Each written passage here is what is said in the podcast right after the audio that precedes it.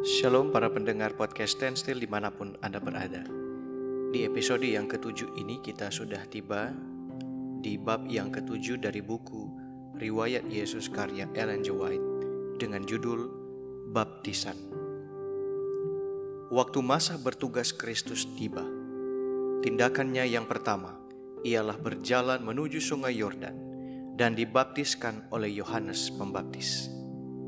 Yohanes diutus untuk merintis jalan bagi juru selamat. Di padang gurun ia berkhotbah, katanya, Kerajaan Allah sudah dekat, bertobatlah dan percayalah kepada Injil. Markus 1 ayat 15 Berbondong-bondong orang datang kepadanya, ingin mendengarkan dia. Banyak orang yang mengaku dosa dan dibaptiskannya di sungai Yordan. Kepada Yohanes telah diberitahukan Allah bahwa pada suatu ketika Mesias akan datang kepadanya, minta untuk dibaptiskan. Kepadanya juga telah dijanjikan tanda supaya ia dapat mengenalnya. Waktu Yesus datang, Yohanes melihat tanda di wajah Yesus, tanda hidup yang kudus, dan ia mencegah sambil berkata kepadanya, Akulah yang perlu dibaptis olehmu, dan engkau yang datang kepadaku?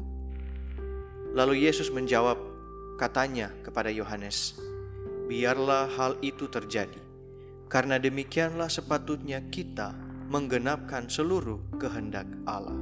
Matius 3 ayat 14 dan 15. Dan sementara ia mengatakan demikian, tampaklah di wajahnya terang surga, seperti yang pernah dilihat Simeon. Lalu Yohanes membawa Yesus turun ke dalam air sungai Yordan yang indah dan dibaptiskannya dia di hadapan orang banyak.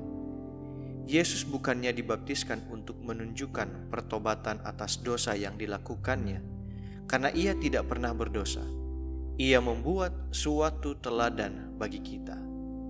Ketika ia keluar dari dalam air, ia bertelut di tepi sungai dan berdoa. Langit pun terbuka, terang kemuliaan bersinar, dan ia melihat roh Allah seperti burung merpati turun ke atasnya. Matius 3 ayat 16 Wajahnya dipenuhi terang kemuliaan Allah. Lalu terdengarlah dari langit suara Allah yang berseru, Inilah anak yang kukasihi, kepadanyalah aku berkenan. Matius 3 ayat 16 dan 17. Kemuliaan yang turun ke atas Kristus adalah janji kasih Allah bagi kita. Juru selamat telah datang sebagai teladan kita. Sebagaimana pastinya Allah mendengar doanya, demikian pula ia akan mendengar doa kita.